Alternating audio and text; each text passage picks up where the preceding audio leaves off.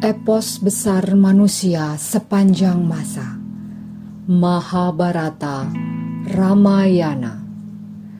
Ditulis oleh C. Raja Gopalacari, diterbitkan oleh Ircisot. Dibacakan oleh Nyonya Wage dan Tamu Wage. Bagian kedua. Ramayana.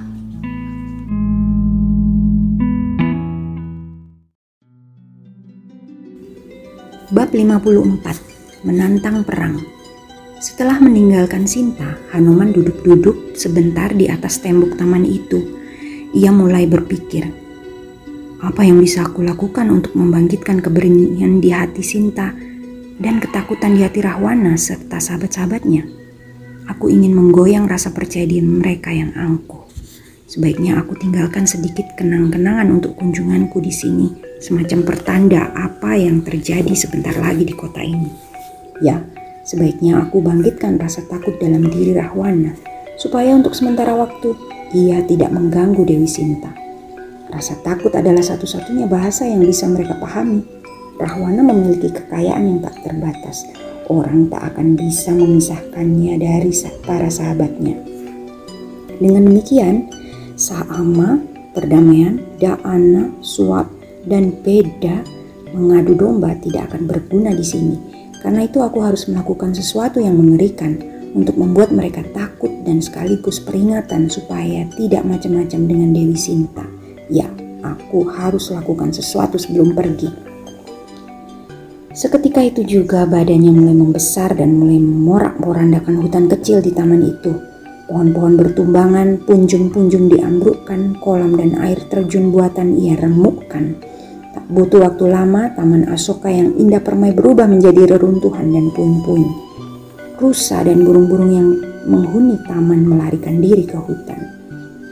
Para raksasi yang waktu itu sedang duduk ataupun tertidur, bangun dan kebingungan melihat kehancuran taman. Hanaman duduk di atas tembok taman. Ia berubah menjadi sosok yang sewaktu-waktu bisa meledakkan amarahnya. Ia menunggu reaksi para raksasa atas tantangan yang telah ia tebarkan. Demi melihat makhluk asing, para raksasa gemetar ketakutan. Mereka segera melaporkan kejadian itu kepada Rahwana. Beberapa mendekati Sinta dan bertanya, Bagaimana kera itu bisa sampai di sini? Kau pasti tahu siapa dia. Apakah ia mengatakan sesuatu kepadamu? Katakan dengan jujur, Jangan takut bicara yang sebenarnya.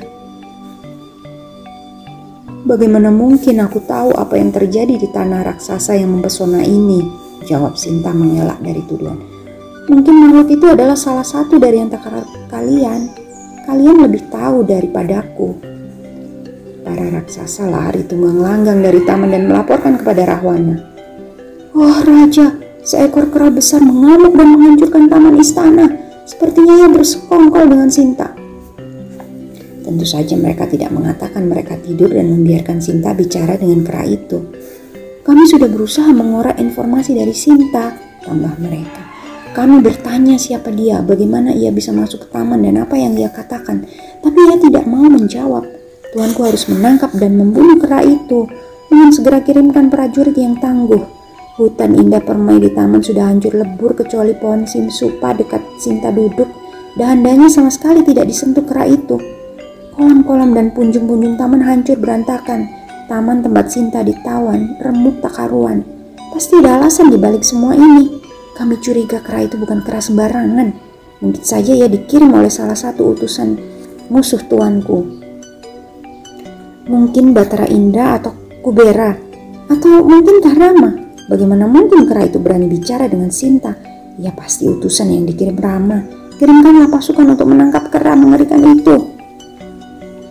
Mendengar kabar taman kesayangannya yang dibangun untuk para permaisurinya dihancurkan, Rahwana murka, matanya merah membara seperti dua suluh. Air mata jatuh meleleh dari pipinya seperti lelehan minyak panas. Ia menoleh kepada para penjaga yang berdiri di sampingnya. Mereka tampak tak sabar menunggu perintah. Rahwana pun segera memerintahkan mereka untuk secepatnya pergi dan membasmi kerah perusuh itu. Satu pasukan yang tangguh dan bersenjatakan gada, tombak, dan senjata lain bersiap melaksanakan perintah raja.